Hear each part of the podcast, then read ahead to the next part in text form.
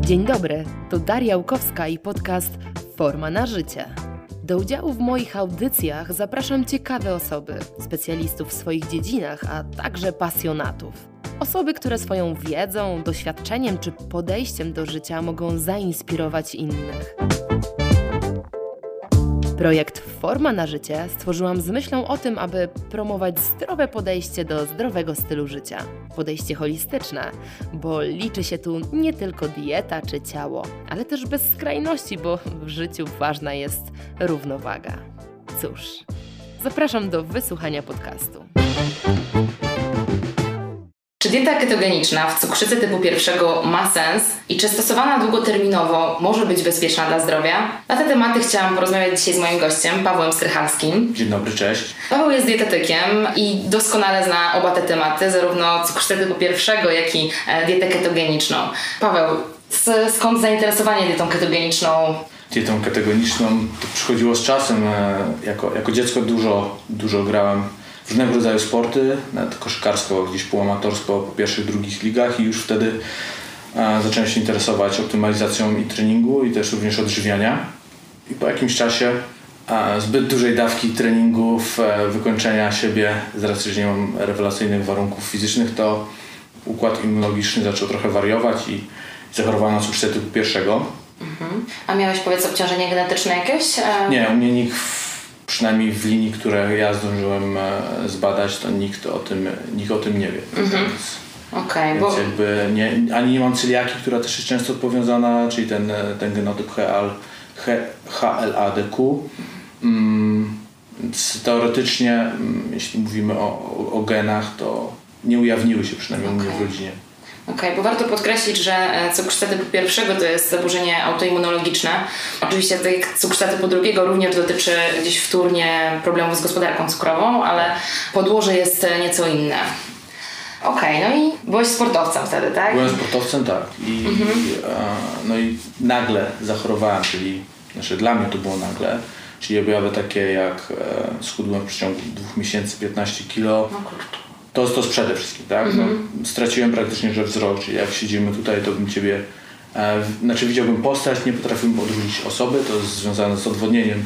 Ciało szkliste wokół a nie potrafi przewodzić wtedy impulsu, z racji tego, że jest za mało płynów, mm, co bardzo szybko powraca po a, nawodnieniu, a, po uzupełnieniu, potocznie mówiąc, insuliny, czyli jak, żeby ta insulina spełniała swoją funkcję, czyli wtedy jest, e, stosujemy insulinoterapię. Tak jak w cukrzycy typu drugiego mm, nie jest to konieczne. Cukrzyca typu drugiego przeważnie jest nadmiar insuliny, ale komórki nie potrafią jej efektywnie tak. wykorzystywać.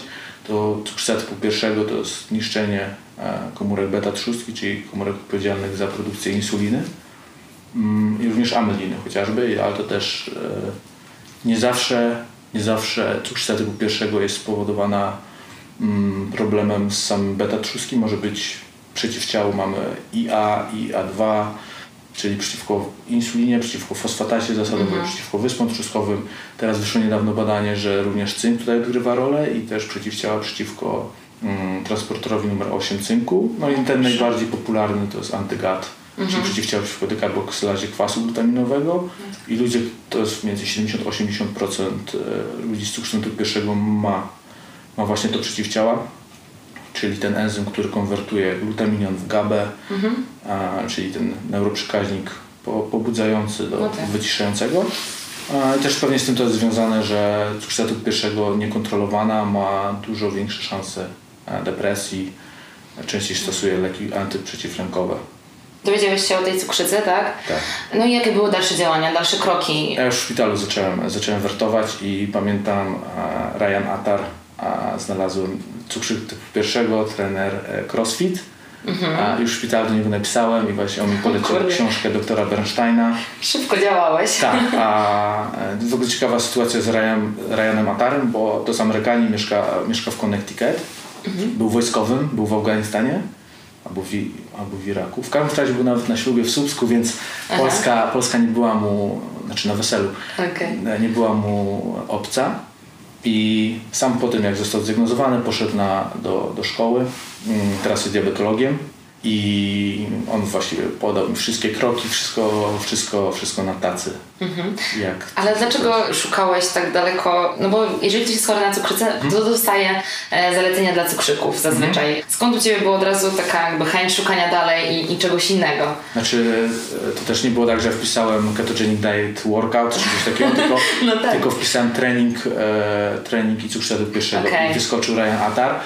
Czyli też... żeby y, trenować, tak? Tak, tak, tak. tak co tak, zrobić tak. dalej, żeby, żeby trenować. I e, Ryan mi napisał, że tutaj dieta ketogeniczna, dieta nisko, niskowęglowodanowa jest praktycznie jedynym rozwiązaniem, aby utrzymać stabilny poziom glikemii. Mm, ja w pierwszym etapie byłem na takim low carbie, tak? czyli w dni treningowe spożywałem około 150 e, gramów węglowodanów, e, ale to jeszcze mi pewnie możliwe, że zahaczałem o ketozę dużo trenując, mhm. ale nie no monitorowałem tego jakoś bardzo bardzo restrykcyjnie, więc nie mogę powiedzieć w 100% czy tak było, czy nie. Mm, ale po jakimś czasie zauważyłem, że, że faktycznie to się nie sprawdza. Miałem też krótki epizod, że próbowałem zaleceń, czyli te standardowe makro, które chociażby zalecają diabetolodzy. Czyli typowa dieta e, dla cukrzyka. Tak, mhm. znaczy typowa dieta, zalecenia przeważnie dla cukrzyka są takie, że żeby dobrze przeliczać e, ilość spożywanego pokarmu do dawki insuliny, co się oczywiście nie sprawdza i teraz nawet określenie double diabetes, czyli podwójny cukrzyk, to są o, osoby, proszę.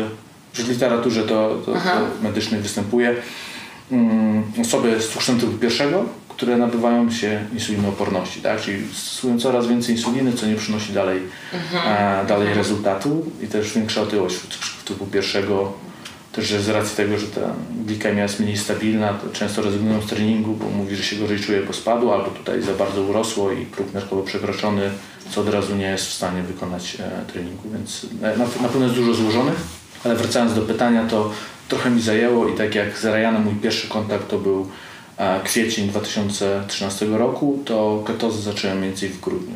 No i jakie pierwsze Twoje były jakby kroki, żeby, żeby rozpocząć tą ketozę? Mhm. Rozumiem, że dostałeś wytyczne konkretnie od, od Ryana, czy, bo w Polsce aktualnie od niedawna jest dopiero książka na temat ketozy, tak naprawdę mhm. wcześniej nic nie było. Ty byłeś w zasadzie chyba jedną z pierwszych osób, które zaczęły gdzieś tam głośniej o tym mówić, e, o, o stosowaniu ketozy. Skąd brałeś dane na ten temat? Skąd brałeś informacje na ten temat? Tak, znaczy ja z Ryanem miałem bardzo dobry kontakt, więc on mi bardzo dużo pomógł i właściwie rozpisał mi to jak dla troglodyty, ciężko mi było e, tego nie, nie wyegzekwować należycie. Jednego co żałuję to, że tak późno nabyłem książkę doktora Bernsteina, bo Aha. nie od początku, ale, ale myślę, że Ryan to lepiej nawet opisał, z tego względu, że ma większe doświadczenie treningowe. Tak? No to jest, to jest, Ryan w ogóle jest niesamowitą osobą, bo może go wcześniej nie widziałem, ale ale e, waży 70 kg, ma 1,70 m wzrostu i w e, martwym ciągu trenując tam 2-3 razy w tygodniu to jest ponad 200 kg na serię, więc bierze zdrowe ciężary, tak brał udział też w zawodach crossfitowych, więc jak go wpiszemy w gamesy to też go znajdziemy w niektórych, w niektórych konkurencjach, e, więc naprawdę jest osobą, która która podchodzi do tego zdroworozsądkowo, wie co monitorować, na co zwracać uwagę, e, też patrzy bardzo na na odżywczość diety, bo często się spotyka, że ketoza to spalone mięso, boczek, jaja. No tak, takie przyzwolenie trochę tak, na, na jedzenie a, rzeczy. No tak. Ale jeśli byśmy spojrzeli właśnie e, na, nie wiem, jakbym pokazał swoją dietę, co jem na co dzień, to mało kto by się zorientował, że to jest ketoza. Jest bardzo dużo warzyw, sałat. Ja też nie, nie, sam nie, nie jem dużo. Masła w 2017 to nie jadłem ani razu. O, Oprócz wyjazdów mówię, że samemu, że sam kupiłem. Olej kokosowy też bardzo rzadko jem.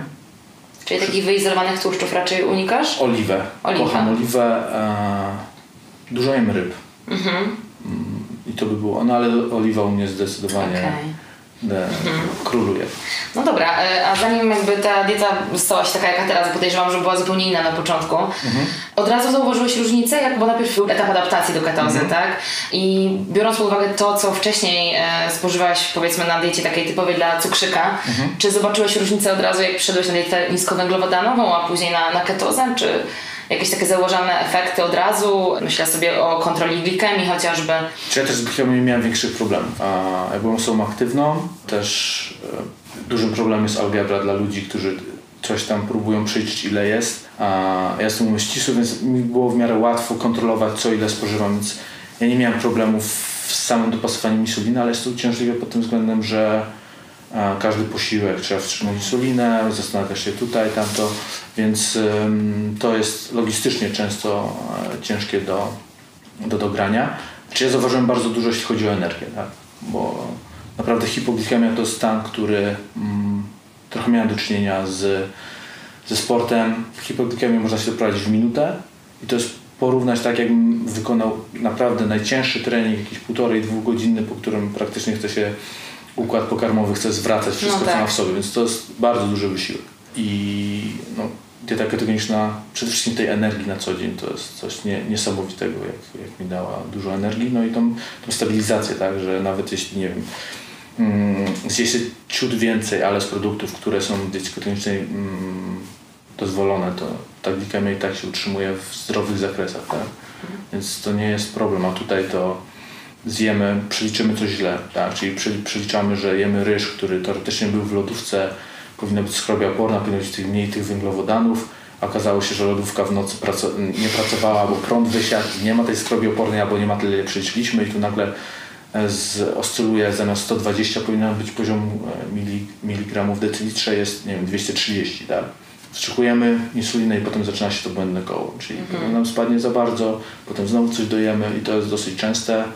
Mm, to najbardziej mi się rzuciło w oczy, to każde przeziębienie, jeśli jesteśmy nie w ketozie, jest poziom zawsze stabilny, czyli e, poziom glukozy jest, czy, czy jest przeziębienie, czy nie, jest w miarę równy. Każdy cukrzyk wie, że przeziębienie od razu potrafi wybić do 200-240 poziom glukozy. Mm, ile byśmy insuliny nie, nie używali, tak? Więc to jest, to jest naprawdę niesamowite, że ten poziom glukozy w ketozie, nawet pomimo przeziębienia, jakiejś tam infekcji bakteryjnej, mm, jest, jest dalej na takim samym poziomie. Tylko no, ta adaptacja, adaptacja jest kluczowa. No właśnie, jak pamiętasz ten pierwszy, ten pierwszy moment, jakby mhm. nie zniechęciłeś się, chyba że od razu nie była odczuwalna ta adaptacja dla Ciebie, bo e, przeciętna osoba, powiedzmy no, nawet taka bez cukrzycy, która mhm. przechodzi na tą adaptację do, do ketozy, do diety niskowęglowodanowej, no jednak odczuwa to dość mocno te pierwsze dni, e, czasem te pierwsze tygodnie. Pamiętasz to mniej więcej, jak to wyglądało tak, u Ciebie? E, pamiętam, że piłem, pierwsza moja adaptacja to piłem dużo kawy, co było jeszcze strzałem w kolano. A, okay ale chyba przed tym jeszcze, jeszcze z cukrzycą grałem, dosyć czynnie uprawiałem sport i miałem schemat, że w dzień treningu, a przeważnie trenowałem dwa razy w tygodniu, e, dwa razy dziennie, spożywałem po każdym posiłku 60-80 e, gramów węglowodanów, więc gdzieś tam dawało to w sumie do 200, tak, bo jeszcze w innych posiłkach z warzyw. Mhm. Przy dwóch treningach dziennie, więc, więc wiem, że po dniu wolnym, w którym nie jadłem w ogóle węglowodanów, miałem ciała betonowe w moczu, tak? więc już na pewno gdzieś tam podwaliny, podwaliny pod ketozę były.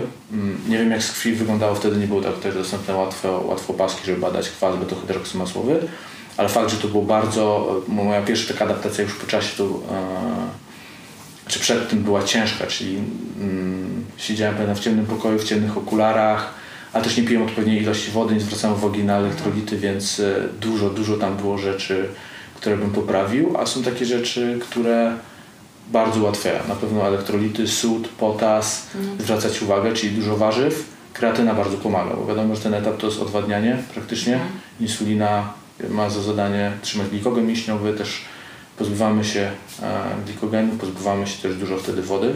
No to ciekawe są kreatyną w okres adaptacji. Tak, no bo tak, to ma sens. Kreatyna nawadnia środowisko bardziej mhm, anaboliczne, tak. mm, więc do, do, dobrze jest wrzucić kreatynę podczas adaptacji, mm -hmm. tak? Więc ona, ona pewnie nie, jeśli wrzucimy kreatynę, jeśli będziemy się w miarę wysypiali, bo to też jest istotne, mm, dużo warzyw, żeby ten potas zapewnić, czyli tutaj awokado może też być nawet jako dominujące. Nie suplementowałeś potasu? Nie suplementujesz teraz? Nie, ja nie suplementuję. Y, ja wliczam sobie raz na jakiś czas w kalkulatorze dietetycznym i te 4,5-5 gramów to ja z mhm. warzyw spokojnie osiągnę E, potasu, więc tak jak mówię, ja jem dużo warzyw, więc to u mnie nie jest problem. A co suplementowałem? Magnez suplementowałem, to, to też przed snem. No tak. Chociaż mówi się, że potas e, często, żeby w ketozie suplementować, ale to chyba wynikało z tego, że u osób chorych z epilepsji a ta dieta jest bardzo restrykcyjna i tam jest bardzo mało warzyw mhm. i u tych, e, u tych dzieci powstawały kamienie nerkowe nieczęsto, ale to wtedy cytrynian potasu jest dobrym rozwiązaniem, żeby temu zapobiec, ale jeśli ktoś nie ma ograniczeń, że musi trzymać na przykład na, na granicy kwasicy ketonowej, bo często dzieci z epilepsją tak mają, często może nie, ale, ale jest to dosyć, jest to dosyć powszechne, to potas nie, jeśli sobie potrafimy zbilansować, spożywać te, te, te warzywa na odpowiednim poziomie, powinno, powinno to wystarczyć. Mhm. Jak było to dawno, kiedy zacząłeś e, w ogóle tą dietę ketogeniczną? 2013 grudzień. Okej, okay, no to czyli... No myślę, że sierpień już miałem pierwsze, pierwsze takie nieświadome. Okej, okay, no to już kawałek czasu jest. I jak się teraz Twoja dieta jakby zmieniła? Czy jesteś w stanie wychwycić błędy, jakie robiłeś od tamtego momentu do momentu, w którym jesteś teraz? E, teraz już jakby zajmujesz się doradzeniem innym w, mm. w temacie ketozy. E, jakbyś miał tak prześledzić te swoje ostatnie lata od tamtego czasu, Twoje jakby nauczki, Twoje błędy, które być może komuś tutaj pomogą nie popełnić tych samych? Profil tłuszczowy. Na pewno na początku więcej spożywałem kwasów nasyconych, czyli jajka, masło dużo, e, masła dużo było, mhm. oleju kokosowego, teraz jednak to są jednonasycone, jest trochę orzechów. A dlaczego e, jakby uważasz to za błąd? W sensie widziałeś, nie wiem, czy po lipidogramie, czy po prostu z znaczy, innego powodu? Znaczy lipidogram u mnie to była bardzo, bardzo grząska sprawa i nawet taka jest ciekawa e, sytuacja, że byłem raz u lekarza i mój lipidogram, całkowity cholesterol pokazał 300, tam bez, bez, bez dwóch jednostek, miligramów w decilitrze i pani powiedziała, że to już się na statyny kwalifikuje.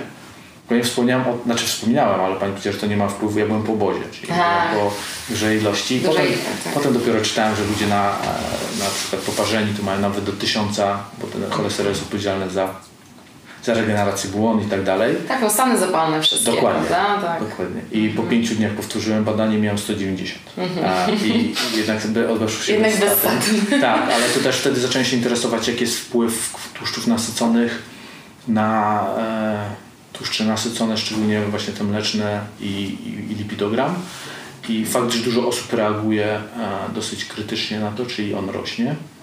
Mm, dlatego ja bym raczej celował w jedno nienasycone albo wielonienasycone, też zachowując odpowiednią proporcję omega-6 do omega-3 i Problem jest taki, że jeśli wrzucamy kogoś w ketozę i na przykład ta osoba się czuje świetnie i wszystko jest ok, ale pójdzie do lekarza i ten cholesterol podskoczy, to jednak lekarz powie, widzi, to nie służy. Dlatego ja bym raczej ostrożnie próbował na jedno, na jedno e, budować tą ketozę, oczywiście dodając tyle, ile trzeba, e, chociażby wspomagając też MCT, i dopiero jeśli ta ketoza, ta osoba się dobrze czuje, a wyniki świadczą, to dopiero potem zacząć się modyfikować, żeby mm, Więcej nasyconych wtedy. Tak. Mhm. I wtedy zobaczyć jak, jak to działa, bo nie ukrywajmy, że jeszcze mit cholesterolu jest dosyć, dosyć że on od razu tak. zabija i od razu miażdżyca. I, mhm. I nie szukamy powodu, prawda? Tak, Dlaczego tak, on tylko, jest podwyższony. Tak, tylko, tylko leki, bo to, i to zgnagminne. I ta osoba, nie ma co się dziwić, ale będzie przestraszona jak lekarz tak, powie, tak, że, że to jest duże ryzyko jakichś powikłań. Ale też mało waży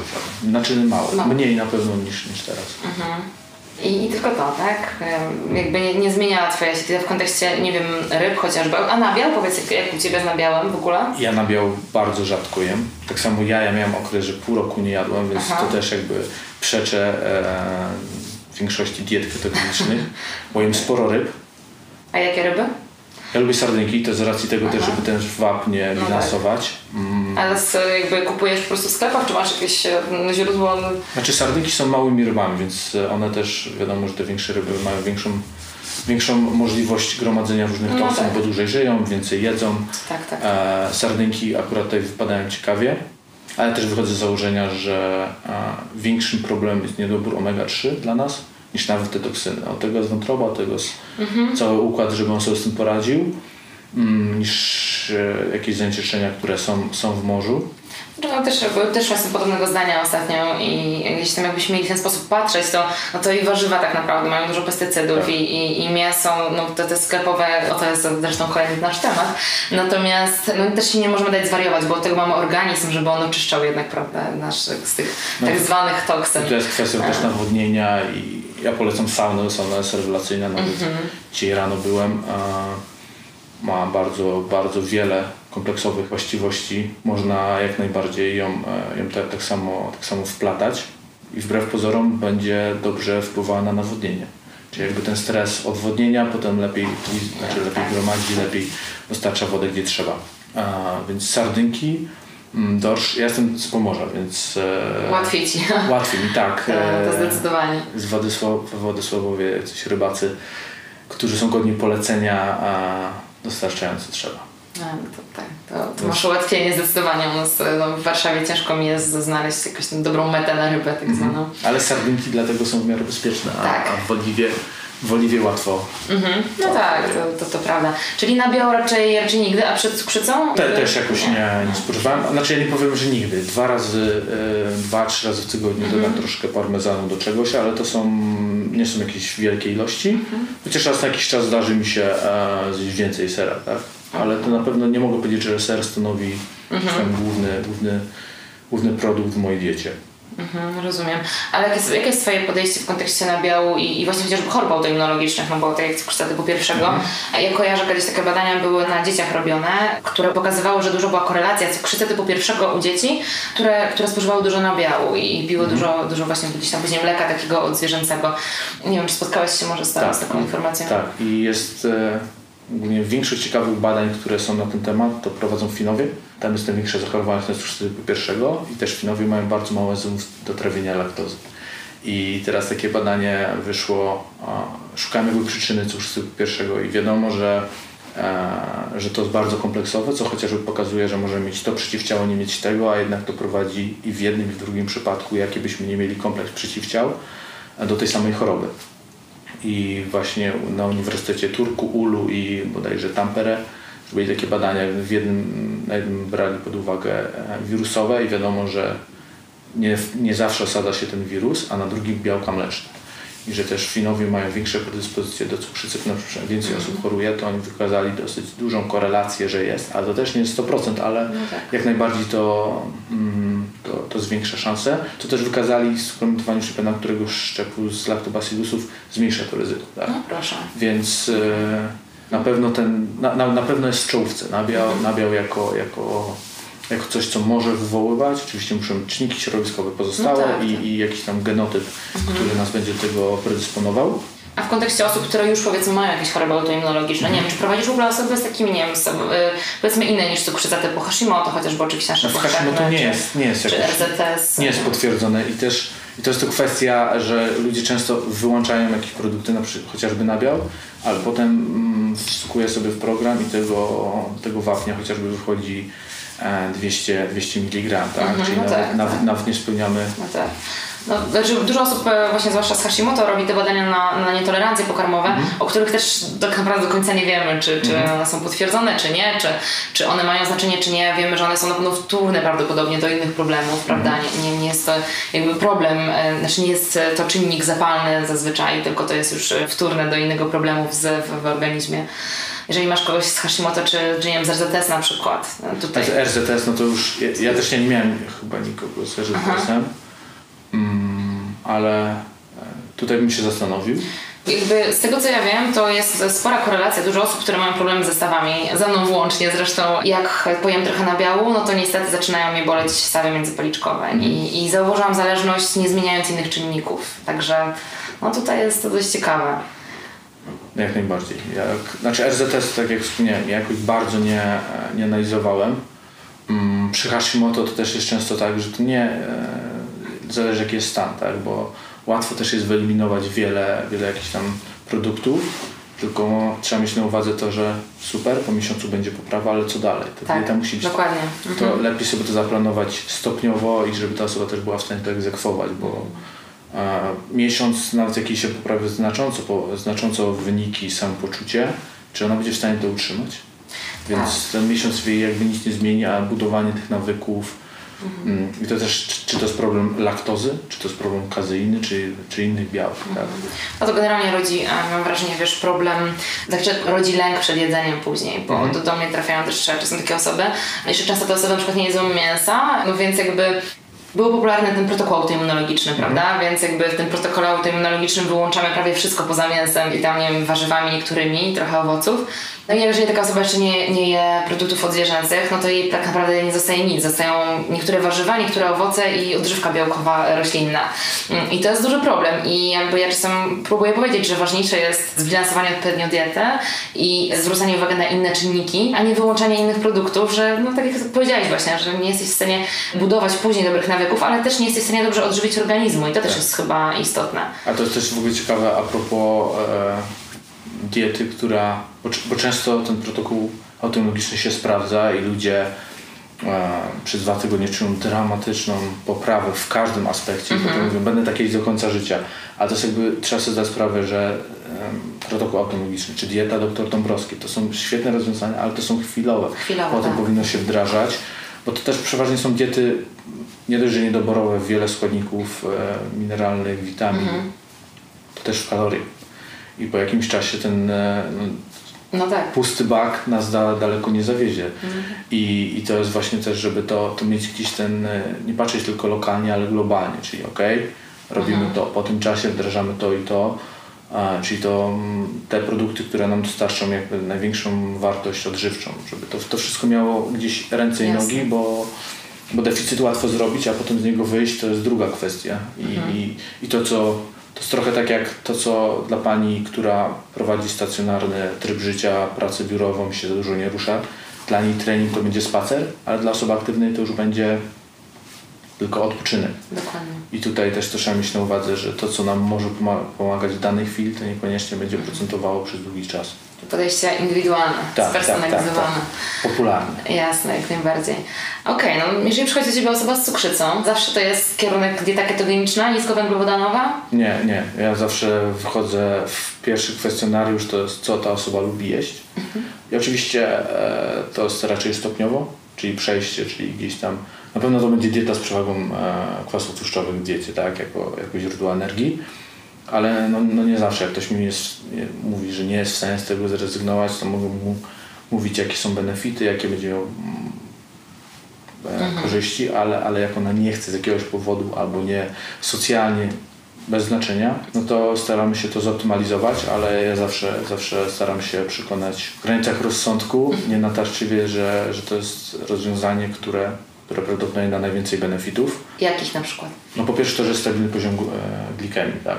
A jeśli popatrzymy na, na to, że dzieci z cukrzycą typu pierwszego a, mają mniejszy mózg, bodajże istotę szarą, e, komplikacje po 8 latach, to jest retinopatii około 8%, nefropatii około 7%, więc po 8 latach, tak? Jak ktoś zaczyna chorować w wieku 10 lat, przed nim jeszcze jakieś 60-70 lat życia, a w wieku 20 lat już ma laserowo wzrok poprawiany, bo też znam takie osoby, to co dopiero później będzie, e, tak? I trzeba sobie zdać sprawę, że to nie jest kwestia cukrzycy, to jest kwestia źle prowadzonej cukrzycy.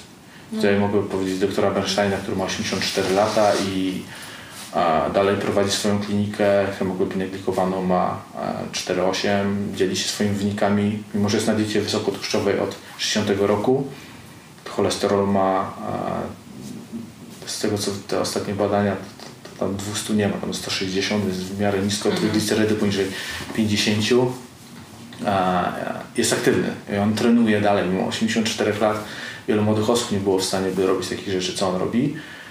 No umysł ma jak brzytwa, tak samo swoje seminaria, webinary prowadzi, to przyjemno jego posłuchać, więc no, da zdrowie, to jest to, to jest, co da dieta ketogeniczna, da zdrowie. Chociaż doktor Bernstein jakby nie używa słowa dieta ketogeniczna, to się kojarzy z kwasicą i tak dalej, mimo że to są dwa zupełnie różne stany fizjologiczne, a on to nazywa dietą e, po prostu niskowęglowodanową i, i, i on tak do tego podchodzi, żeby już tego chyba nie tłumaczyć.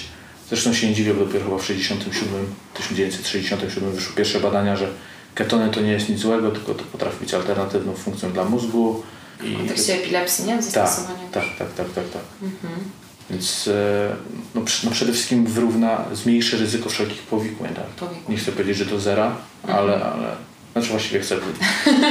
Zera, Właściwie bo, chcę. Bo, bo patrząc na, e, na te osoby, które, z którymi ja miałem e, okazję gdzieś tam rozmawiać, z doktorem Bernsteinem niestety nie, ale właśnie Ryan to jest, Ryan to jest uczeń doktora Bernsteina, więc e, też... Jesteś uczniem Ryana. Ja uczniem Ryana, tak. No proszę. I on, on, on też mi się dzielił wynikami badań ze swoimi pacjentami, niektórymi w bardzo podeszłym wieku, z dużymi problemami i też e, nefropatia często potrafiła na przykład się cofnąć po na diecie ketogenicznej, co jest, co jest e, no niewyobrażalne dla większości lekarzy. I tutaj też ciekawy przykład e, nefrologa Keith Ryan.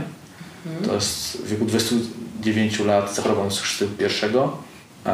Stosował oczywiście wytyczne, mówił, że było fatalnie i wtedy zaczął się interesować. Ktoś mu podlecił książkę doktora Bernsteina i napisał swoją też książkę poradnik właśnie diety ketogenicznej w cukrzycy typu pierwszego.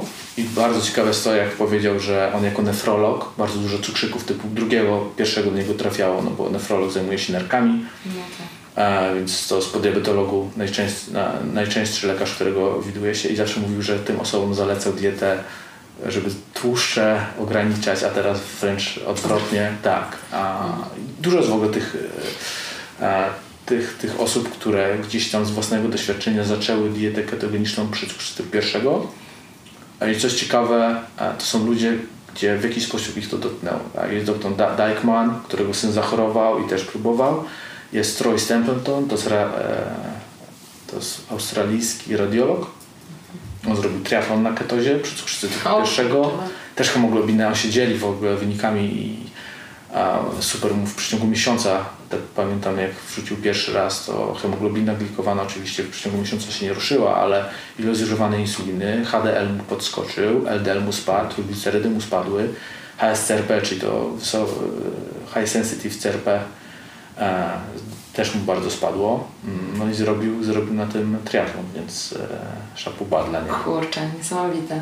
I tych, no, pewnie, pewnie mógłbym jeszcze kilka osób powymieniać, no ale tak. to są takie, które naj, najbardziej e, najbardziej cenię, no i szczególnie ten właśnie Ryan, jak opowiadał o, o, o mhm. tych nerkach. -hmm. Zresztą to jest dosyć dziwne, bo jeśli weźmiemy jakikolwiek podręcznik z nefrologii, to wszędzie jest, że glukoza niszczy. -hmm. Ale z drugiej strony, jak idziemy do lekarza, to lekarz jednak mówi zupełnie, zupełnie nam inne rzeczy. I to też jest problem na pewno ketozy w cukrzycy pierwszego, że, że to nie jest spopularyzowane Chociaż trochę w Polsce widzę, widzę delikatny progres, bo kiedyś były wytyczne, jak powinniśmy się odżywiać, jakie proporcje makroskładników. Ostatnie wytyczne są takie, że przy cukrzycy typu pierwszego to powinno być indywidualne, czyli już nie ma ile węglowodanów, ile... To znaczy dalej jest, że ciała ketonowe to jest zły objaw, mm, ale, ale, ale już jest taki delikatny ukłon w, mhm. stronę, e, w stronę większej, większej ilości tłuszczu e, w diecie. No proszę. No to jest ciekawe. Pamiętam, jak powiedziałeś w jednym z podcastów, że e, szybciej dasz sobie rękę obciąć niż e, komuś się rozpiszesz według tradycyjnych wytycznych typu dla cukrzyków mhm. E, zalecenia. Czyli jeżeli to nie jest ketoza, to i tak to będzie, rozumiem, dieta niskowęglowodanowa. Raczej, tak. raczej nie rozpiszesz wymienników węglowodanowych i, i diety takiej tradycyjnej. Znaczy tam wymienniki uwzględnie, tak? Żeby no. wiedział ile, ale, ale to jest, to jest na takiej zasadzie, że, liczyć i, że w jednym posiłku będzie, będzie gdzieś tam jakaś ilość węglowodanów, bo ktoś mówi, że coś tam chce. Mm, no ta dieta ma służyć tej osobie. Ja mogę napisać na najlepsze według tego, co wiemy, co ja wiem, mhm. ale, ona to, ale to potem ona będzie musiała to egzekwować. Tak? Widzę też smakowitość też będzie miała, miała wpływ. Więc jakby tutaj, tutaj wiele kwestii, wiele składowych na tą wypadkową się będzie składało, ale mówię, przesunięcie pozyskiwania energii z kwasów tłuszczowych mhm. e, zawsze będzie miało pozytywny wpływ na mniej insuliny, mniej mhm. insuliny, bardziej przewidywalna E, bardziej przewidywalne działanie. I tutaj też ciekawe badanie mm, jest, że insulina insulinie jest nierówna, ile jest cukru w cukrze de facto, bo sposób przechowywania jednak ma kolosalny, kolosalny wpływ na insulinę i teraz wyszły badania, że... Przechowywania czego? Insuliny, Insuliny. Tak. I mhm. kupiono w aptece, to były badania na terenie Stanów, w jednej jednostce ile było, e, ile było insuliny zdeklarowanych. I wyszło, że dysproporcja była od, e, wiadomo, że było 100%, czyli to co deklarowali, do 20%. Bierzemy pod uwagę, że wstrzykujemy sobie insulinę przejrzając na, na diecie wysokowęglowodanowej i nagle wychodzi, że mamy 400 cukier, mm -hmm. bo, nie, bo ta insulina 20%, no to nie pokryliśmy tego, co, co powinno. I tutaj to też jest kolejny aspekt, no tak. że nawet jeśli ta insulina jest feralna, była źle przechowywana, cokolwiek się nie, nie stało, to a, jeśli my jesteśmy na diecie wysokotłuszczowej i tych węglowodanów było z warzyw tam około 8, 10, 12 gramów, tam podskoczy poziom glukozy do 120, 140 mg decylitry, więc nawet się nie zbliżymy do progu nerkowego, tak. tak? A jak, my się, jak spożyliśmy, nie wiem, 70, to nam podskoczy do 300, przypuśćmy, tak? Więc już potem to zbijać. Wiadomo, im wyższy poziom glukozy we krwi, tym e, komórki są też mniej czułe na insulinę, więcej potrzeba.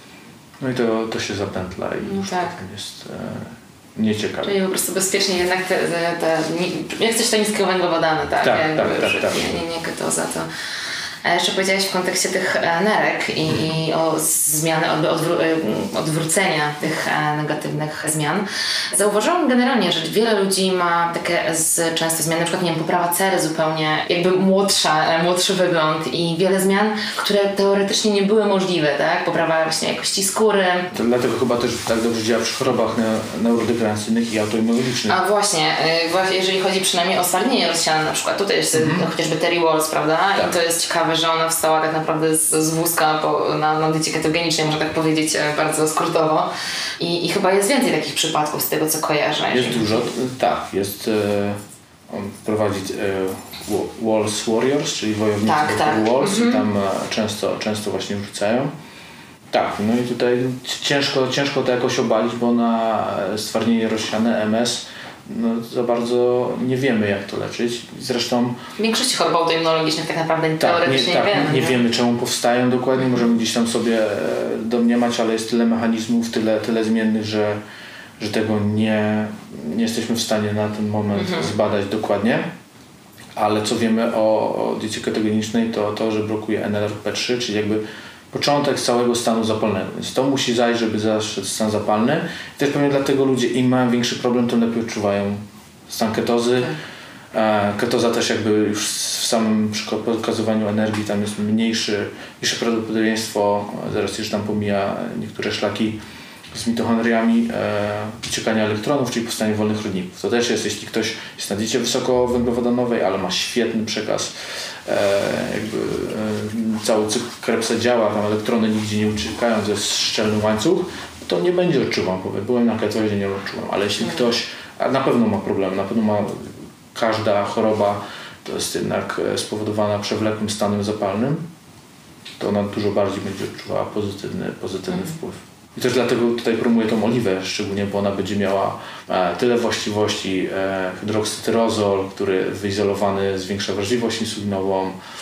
Mm, kwas, e, kwas olejnowy też ma swoje właściwości zwiększające wrażliwość insulinową. To nie są rzeczy, które dzisiaj weźmiemy i zaczną działać, ale w tle one naprawdę robią różnicę. Czy oleuropeina, tak samo mhm. teraz wyizolowana, to, to, to się dosyć, dosyć często ją suplementuję w różnych tam stakach poprawiających e, wiele rzeczy, przede wszystkim wrażliwość insulinową, ale no tak zmniejszające stany okay. zapalne, więc oliwa, mm-hmm. oliwa i jeszcze raz. Okej, okay, dobrze. A powiedz mi jak długoterminowo, bo tak naprawdę jakiś czas temu zadałam sobie na, na, na Facebooku pytanie mm-hmm. i, no i dużo osób komentowało, że no, uważają, że to nie jest dobry pomysł długoterminowo, że tak powiem, żeby być w stanie ketozy, że, że to nie mm-hmm. jest jakby dla nas naturalne, oczywiście fizjologiczne i że no, wchodzić w ketozę raz na jakiś czas ok, jeszcze, ale, ale nie, nie, nie cały czas, nie jako dieta na życie, że tak powiem, jako stan fizjologiczny na życie, no bo mówimy o ketozie, a dieta ketogeniczna wiadomo może być różna. Tylko też zależy dla kogo. Jeśli ktoś jest chory, to dla niego priorytetem jest zdrowie długofalowo, więc no tutaj odpada, że, mhm. a, że może być. Co też, jakie są minusy diety ketogenicznej? W ogóle co to jest dieta ketogeniczna? Bo to jest też problem mhm. a, jakby nomenklatury, bo tak. według mnie ktoś, kto jest osobą aktywną, tak jak już wspominałem e, przed, przed, mhm. przed nagrywaniem, to znam osoby, które spokojnie spożywają 300 gram węglowodanów dziennie, dobrze dalej. i są dalej w ketozie. Mm, tak. I czy jeśli ktoś, nie wiem, e, przez 22 godziny na dobę ma te ciała ketonowe e, na poziomie takim, że, że to jest uznane, że to jest za stan ketozy, to jeszcze jest ketoza czy nie, bo dwie godziny jednak nie ma, bo zjadł dużo, dużo węglowodanów po treningu. I to mnie, to mnie zawsze ciekawi, e, właśnie gdzie jest ta granica, że nazywamy to ketozą, a nie. E, na pewno jeśli ktoś jest osobą aktywną, to te węglowodany musi wrzucić w jakimś tam, w jakim, czy to będzie no protokół tak. carpet loading, czy carb, e, targeting, a, czy jeden dzień sobie robić e, w ogóle węglowodanowy, to nie ma większego znaczenia i to też dla kogo. No, jeśli ktoś ma dużą masę mięśniową, jest, ma kompozycję ciała powiedzmy atlety, sportowca, to dla niego nie będzie miało większego znaczenia, czy ile on tych węglowodanów zje, wybije go po prostu na ciut dłużej, czy nie. No to następnego dnia powróci, tak? Problem często ludzie mówią, że jeśli się nie je danych produktów, no to te enzymatyczne zmiany zajdą. Dlatego ja też mówię, że jeśli ktoś nie ma przeciwwskazań, to warto wrzucić jakieś produkty skrobiowe, fruktozę, żeby to zachować raz na jakiś czas.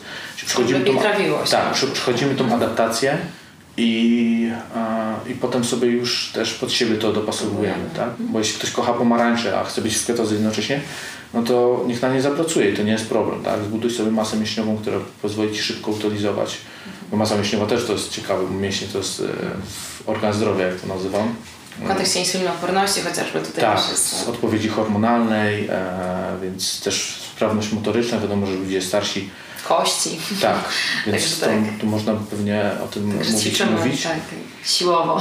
Ale e, to nie, nie ma problemu. Ja mam jednego podobiecznego, który e, zajada z samych pomarańczy około 150 gramów węglowodanu. to lubi bardzo. Tak, bardzo lubi. No i jakby to wrzuciliśmy, a mówi się, że fruktoza nie powinna być, bo fruktoza jest metabolizowana przez wątrobę, więc albo, no, ale... albo ale on wstaje następnego dnia rano i poziom ciał ketonowych rzadko kiedy spada po, poniżej 0,7, a no przeważnie jest przeważnie jest gdzieś tam koło jedynki. No tak. E, ma świetne wyniki, świetnie się czuje. To jest też osoba, mhm. która e, jakby mu jest na rękę ketoza, bo je mniej posiłków, lubi też jefy. No ma taką pracę, tak. że albo musiałby jeść w biegu, albo sobie kroplówkę podłączać, mhm.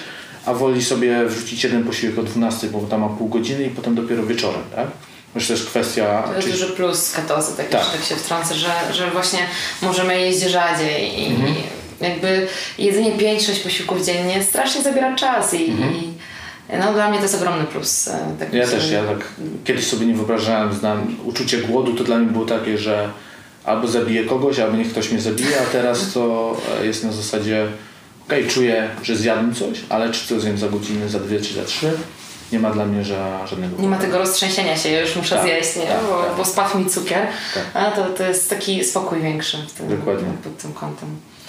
No właśnie i wracając do tego, co, co mówiłeś o, o tym swoim podopiecznym, mhm. jeżeli chodzi o, o dopasowanie ketozy e, mhm. pod sportowców, jak uważasz, e, czy ketoza przy sporcie zawsze będzie możliwa, czy czasem jest jednak tak, że, no, że lepiej, żeby nie próbować, bo o ile w kontekście chorób metabolicznych jak najbardziej, o tyle w kontekście sportowców, no ja mam takie wątpliwości czasem, e, czy to jest dobry pomysł. Mhm. Znaczy, pierwsze co, miesiąc musi być luźny, czyli Pierwszy miesiąc adaptacji. Miesiąc -hmm. adaptacji, -hmm. skupmy się na jakichś e, słabych naszych stronach, rozciąganiu, delikatny trening, nie szukanie granicy własnej wytrzymałości. Wtedy można próbować. Kiedy z ręką na sercu, znaczy z ręką na sercu mógłbym powiedzieć, e, to e, w sportach walki, w mhm. sportach, gdzie jest dużo kontaktów i w NFL każdy zawodnik jest chociażby obligatoryjnie po karierze e, ma PET scan, czyli pozytywną emisyjną tomografię, patrzą gdzie ma jakie urazy w mózgu i wrzucałem go na odpowiedni protokół dla mhm. niego. I jeśli to jest naprawdę duży ubytek, to w większości jest, e, jest to ketoza. I tutaj właśnie John Welburn, były zawodnik NFL, zaczął to promować i też właśnie klinika Daniela Aymana. Zaczęło się tak, że, że zawodnik e, zrobili mu, który zmarł w wieku 26 lat, zrobili mu e, zbadali jego mózg i okazało się, że miał jak 70-latek, który ma 10 lat na Alzheimera na Alzheimera choruje. No i tam wyszło też inne, że miał zaburzone, miał e, gen ApoE4, czyli który go predysponuje 4-4. Miał e, pseny też, e, miał tam homozygotę, czyli prenesyneliny, które też są dosyć mocno powiązane. A więc dla tych osób ta regeneracja pewnie układu jako alternatywne źródło energii mhm. będzie, będzie pozytywna, bo każdy uraz jakby w głowę powoduje to, że słabiej działają przenośniki glukozy GLUT1 i GLUT3, które transportują glukozę do mózgu, więc jest niedobór energii, niedobór energii to wiadomo, że e, umierają neurony. No tak, I prosta, tak. prosta droga do tego, że, że ubywa kolokwialnie mówiąc tego mózgu. Więc przy sportach tak, jeśli mamy okres adaptacji... Przy sportach walki. Tak, przy sportach czy to jakiś rugby, NFL, mm. w rugby jest David Pocock, czyli czołowy rugbista e, australijski. Mm, w kolarstwie jest e, Chris Froome, który właśnie... Mm.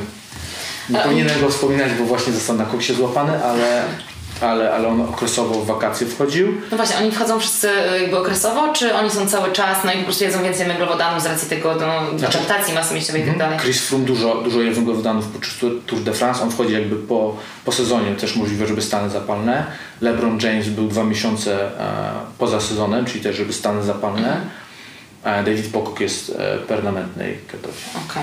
Więc to też pewnie zależy od osoby, też jaki ma garnitur, e, garnitur genów. To też pewnie no tak. będzie miał duży, duży wpływ, mhm. ale to, jest, to warto wtedy monitorować. Czyli mhm. ilość ciał ketonowych, jak, jak, jak wpływa dieta na nas, czy jest wzrost ciał ketonowych, czy one się pojawiają, czy nie, bo jak się nie pojawiają, to prawdopodobnie wątroba ma zaburzenie tam PPR alfa, czyli ten peroksysomy proliferatorów. Mhm. Te receptory mm, nie są aż tak czułe i to jest duża szansa, że, że nie będzie. To jest chyba najlepiej przebadane właśnie PPR alfa. Mhm. No to genetyczne badanie tylko pewnie? Tak, ale z drugiej strony no są... Możemy sprawdzić. Tak, są friki takie, które mają to zaburzenie, a produkują ciało ketonowe, więc Aha. na pewno tam jest więcej zmiennych i więcej genów odgrywa, a odgrywa tutaj znaczenie. Tak? To jest najbardziej przebadany, najlepiej znany w tym temacie. No tak, nie wiemy jeszcze wielu rzeczy z genetyki. Tak. Więc... Okay. Więc w sporcie, w sporcie, jeśli mamy jakąś imprezę i zależy nam na wyniku, to, to raczej bym nie polecał, bo musimy zdać sobie sprawę, że to jest, może być duże ryzyko. Mm tak? Jeśli mamy czas i są ku temu przesłanki, to jak najbardziej. E, pewnie biegi ultra tutaj też biegi ultra, tak, sprawdziły. Tak, Timothy, Timothy Olson mm -hmm. wygrał dwukrotnie właśnie na, na ketozie i też musimy zdać właśnie sprawę, że sportowiec a może jeść dużo tych wymaganych będą w stanie ketozy, tak? Czyli, czyli to będzie determinowało jaki mamy wysiłek, jaką mamy proporcję ciała, kompozycję ciała, to zupełnie tak, no większa, jak powiedziałeś wcześniej, nie? Większa, większa tkanka mięśniowa, e, to można jak najbardziej więcej węglowodanów. E, to też jest chyba problem, często ludzie, mm, ci, którzy nie znają dobrej diety mhm. ketogenicznej, a którzy są przeciw, bo są po prostu, mm. to jest właśnie jakby też, e, że nie, zawsze, nie zdają sobie sprawy, że jakby dieta ketogeniczna, znaczy bycie w ketozie nie oznacza, że nie jem węglowodanów, prawda, mhm. bo, bo, bo tak wcale nie jest, jak powiedziałeś. To de facto można być nawet na diecie wysokowęglowodanowej i być w stanie ketozy, a tylko być na przykład na srogim deficycie, to organizm tak będzie musiał no, pozyskiwać. Właśnie, tak. Jest to już oczywiście ekstremalna sytuacja, ale... Albo robić posty na przykład, w sensie posty. jak ktoś jest na jakimś IF-ie takim bardzo hardkorowym, mm. znaczy hardkorowym, myślę sobie tutaj, że dłuższym niż nie 18-20 mm. godzin, e, no to też podejrzewam, że... że czy ciała ketonowe będą, ale czy jego tra- czy sygnalizacyjnie będą spełniały, ale... Od diety zależy już jaką dalej. Też, ale energetycznie jeszcze prawdopodobnie mm-hmm. nie, dlatego ta adaptacja, nawet jak robimy IF, jak ktoś chce się bawić w dietę ketogeniczną, no adaptacja jest konieczna. Potem możemy już modyfikować no tak. sobie proporcje makroskładników, ale adaptacja, dość restrykcyjna, tak. Bo 50% zwiększa się transportery mm, ciał ketonowych, czyli te MCT, monocarboxylate transport, e, transporters e, w pierwszym miesiącu. Więc... No dużo osób jednak podważa tę adaptację. Dużo osób uważa, że e, no, bo tak mówimy zawsze o tej adaptacji, a dużo osób mówi, że to dwa tygodnie czy trzy miesiące w końcu, czy, czy ile tej adaptacji tak naprawdę. No nie? to jest temat otwarty a, ale oni to podważają tylko na podstawie tego, że jest jakaś ilość e, beta-hydroksymaślanu we krwi, czyli tego parametru, który określa stan ketozy, mhm. a to, że to jest, a to, że to i to sygnaliz- tak, sygnalizacyjnie to będzie spełniało swoją funkcję, bo to widać chociażby w chorobach e, neurodegeneracyjnych, ale że my to utyliz- utylizujemy jako energię, to jest problem. No tak. I właśnie te transportery są potrzebne do tego i one właśnie z biegiem czasu dopiero narastają. To jest trochę tak jak w tym wcześniejszym enzymatycznym problemie. Czyli e, nie spożywamy przez rok skrobi, zjemy po roku, to będzie problem.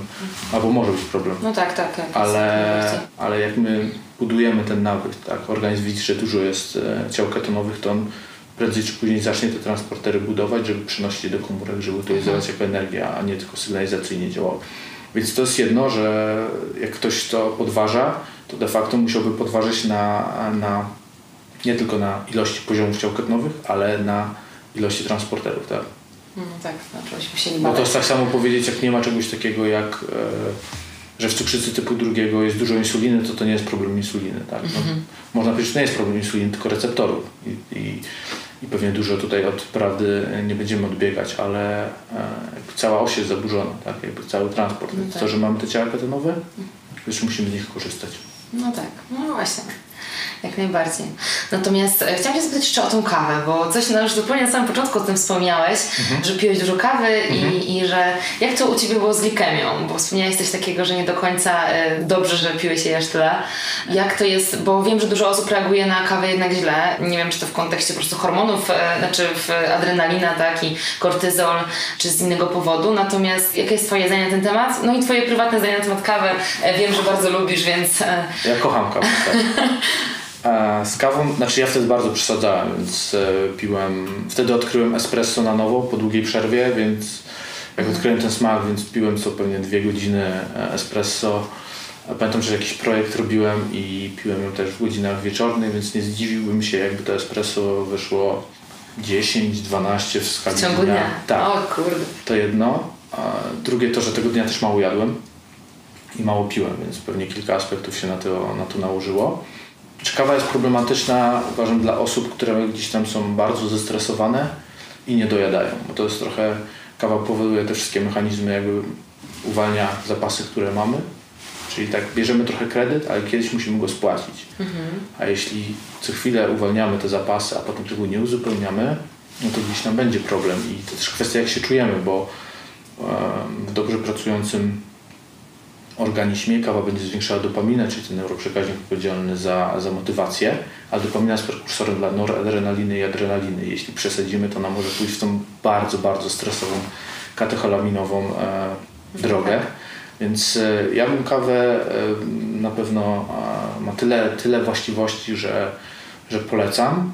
Kwestia naszego własnego samopoczucia, bo są ludzie, co bardzo trzęsą mi się ręce, albo są Po jednej no.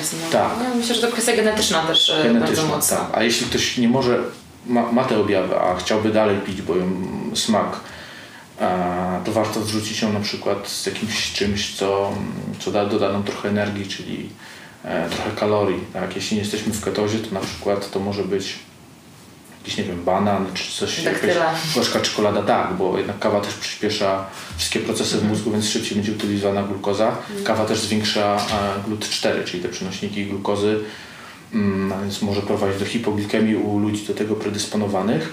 W ketozie to jeśli ktoś ma taki problem, to warto by dodać MCT, też może być rozwiązaniem. No tak. A, więc to jest kwestia tego, czy, czy możemy się obejść bez kawy, czy nie. Jeśli nie możemy, to gdzieś tam to takie małe, małe rzeczy sobie dodawać i nie pić wtedy na pewno jako pierwsze w ciągu dnia, tak? Czyli ja, ja to wtedy zawsze powtarzam earn your coffee, czyli wstań, zjedz śniadanie. Nie biorę krów i, i, jeść w drugiej części dnia. Mhm. Tak. Zjedz śniadanie, odczekaj godzinę, szczeg- szczególnie u kobiet to też może być e, kluczowe, jeśli mają niedobór żelaza, jakieś przygody z, z anemią subkliniczną, czy to warto by też tą kawę z dala od posiłku, to Mhm. jest przynajmniej w badaniach podaje, że godzina przed albo godzina po nie miała wpływu na, wchłanianie żelaza. Więc na to też warto zwrócić uwagę. Mhm, Więc ja, ja uważam, że kawa jest w ogóle bardzo, bardzo dobrze wpływa na ketozę, jeśli Mhm. chodzi o też produkcję ciał ketonowych, też są badania, tak. No proszę. No bo jakby zwiększa też adrenalinę, noradrenalinę w zdrowych zakresach, czyli utlenianie kwasów tłuszczowych. A w kontekście samej glikemii, Znaczy ona, y, to jest u stałych u osób, które stale piją kawę, nie powinno mieć wpływu, ale u... myślę sobie bardziej o cukrzyków, nie? Bo Tak. tutaj albo insulinoporność ewentualnie. Tak, to, to, będzie, to będzie podnosiło, jest jednak sytuacja stresowa. tak? Mhm. E, ja tego nie widzę po sobie, ale ja piję ją regularnie, więc też y, No tak. s- Adaptacja. bez, be, tak, bez, bez żadnego wpływu. I też kwestia jaka kawa, czyli prawdopodobnie kawy na bazie espresso będą bardziej podbijały, bo większe ciśnienie, większa temperatura, bardziej biodostępna z kofeina, od razu większy, większy wyrzut, mimo że w espresso jest mniej kofeiny całościowo, to na szybciej zadziała niż w takich alternatywach, gdzie ona jest stopniowo uwalniana i bardziej do herbaty. Tak? I ten, ten pik będzie taki bardzo, bardzo delikatny i swobodny, więc warto by wtedy też w tą stronę pójść. Tak? Może nie na espresso, tylko jakieś przelewy, alternatywy, drip, aeropress. No, przelew, przelew jest generalnie bardzo, dużo mocniejszy z tego, co z tego Znaczy tak, bo ma, ma, ma- więcej kofeiny, tylko że ona jest Mhm. stopniowo uwalniana. Inaczej. Tak, Mhm, bo tam jest, e, nie, jest, nie jest potraktowana taką temperaturą, takim No tak. ciśnieniem. Nie? I to jakby też nasz układ pokarmowy musi trochę napracować, żeby tą kofeinę wy, wyłuskać, tak, e, strawić i dopiero ją sobie zużytkować Mhm. jako, jako coś pożytecznego dla niego. A powiedz, długoterminowo planujesz jakby na razie być w ketozie cały czas, czy... Tak, jak najbardziej. Ja tam mam czasami takie etapy, że jak więcej trenuję, to właśnie wrzucam TKD, e, czyli, e, czyli węglowodany gdzieś, e, żeby działały bardziej anabolicznie, ale, mm, ale to robię sporadycznie i widzę, że coraz bardziej, coraz, coraz mniej odchodzę raczej od tego, tak, więc No dobra, e, a powiedz mi jeszcze w kontekście, widziałam, że morsujesz, widziałam, że morsowałeś. tak.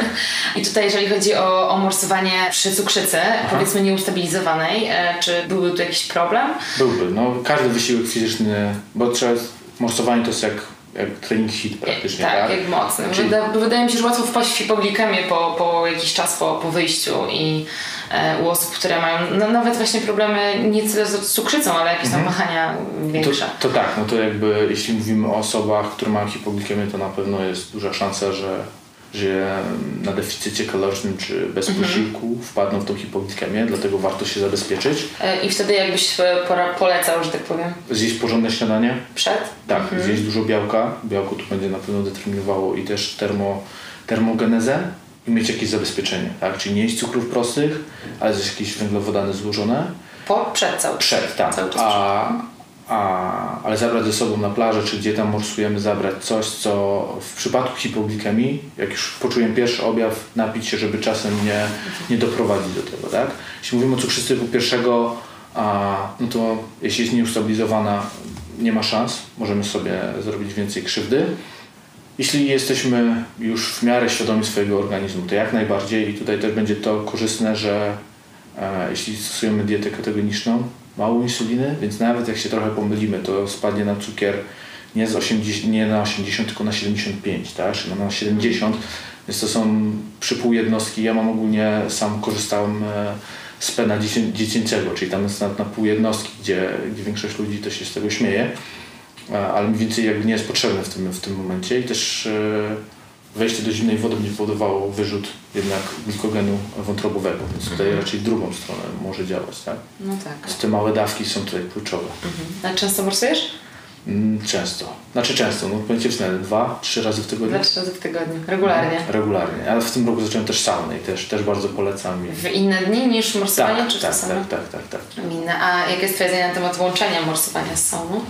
E, Trochę się wyklucza, jak, jak zacząłem zgłębiać, szczególnie jeśli ktoś... To jest e, ciekawe, prawda? Jeśli ktoś wchodzi do sauny na 10-15 minut i potem wychodzi na 5-10 i w tym czasie siedzi w zimnej wodzie, a zamykają się pory, nie będzie takiego odzewu i potem trzeba siedzieć albo dłużej w saunie, albo nie będzie takich benefitów, tak? Czyli nie będziemy się tak pocić, więc raczej nie.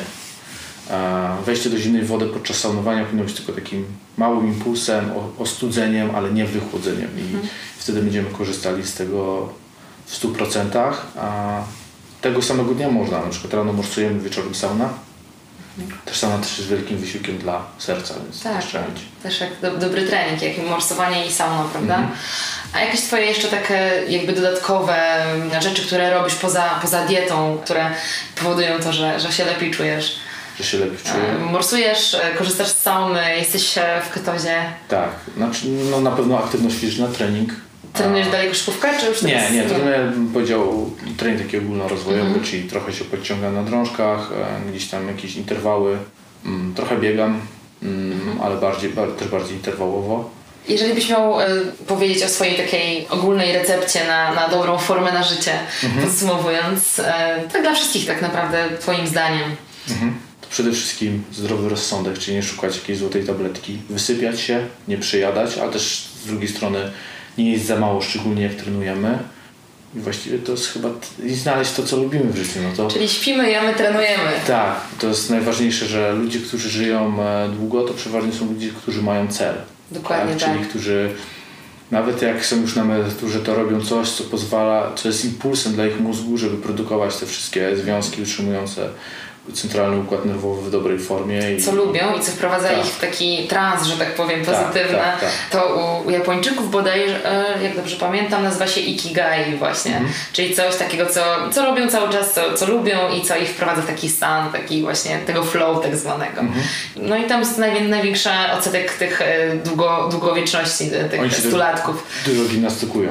Tak, Więc na pewno, na pewno ruch, na pewno właśnie... sen, słońce. Tak, dużo, dużo aktywności i, w miarę zdrowe, urozmaicone jedzenie. Mhm, tak? Bo to też będzie kluczowe, żeby, żeby dostarczyć to, co trzeba. Jasne. No dobra, to dziękuję Ci bardzo za Dzięki. rozmowę. Dziękuję, że znalazłeś czas na wysłuchanie tego podcastu. Myślę, że z pewnością znasz kogoś, komu informacje tu zawarte mogą się przydać. Możesz podesłać mu link do tego nagrania. A jeśli zechcesz udostępnić ten podcast na swoich mediach społecznościowych, tym bardziej będzie mi miło, a projekt Forma na Życie będzie rozwijał się szybciej. Z góry dzięki. Jeśli chcesz obejrzeć ten podcast wraz z nagraniem wideo, wpadnij na mój kanał na YouTube. Znajdziesz mnie tam pod nazwą Daria Łukowska Forma na Życie. Zapraszam Cię też na moje media społecznościowe, czyli na Instagram i Facebooka, gdzie dzielę się moimi przemyśleniami z życia codziennego. Ja nazywam się Daria Łukowska, a to był podcast Forma na Życie. Do usłyszenia!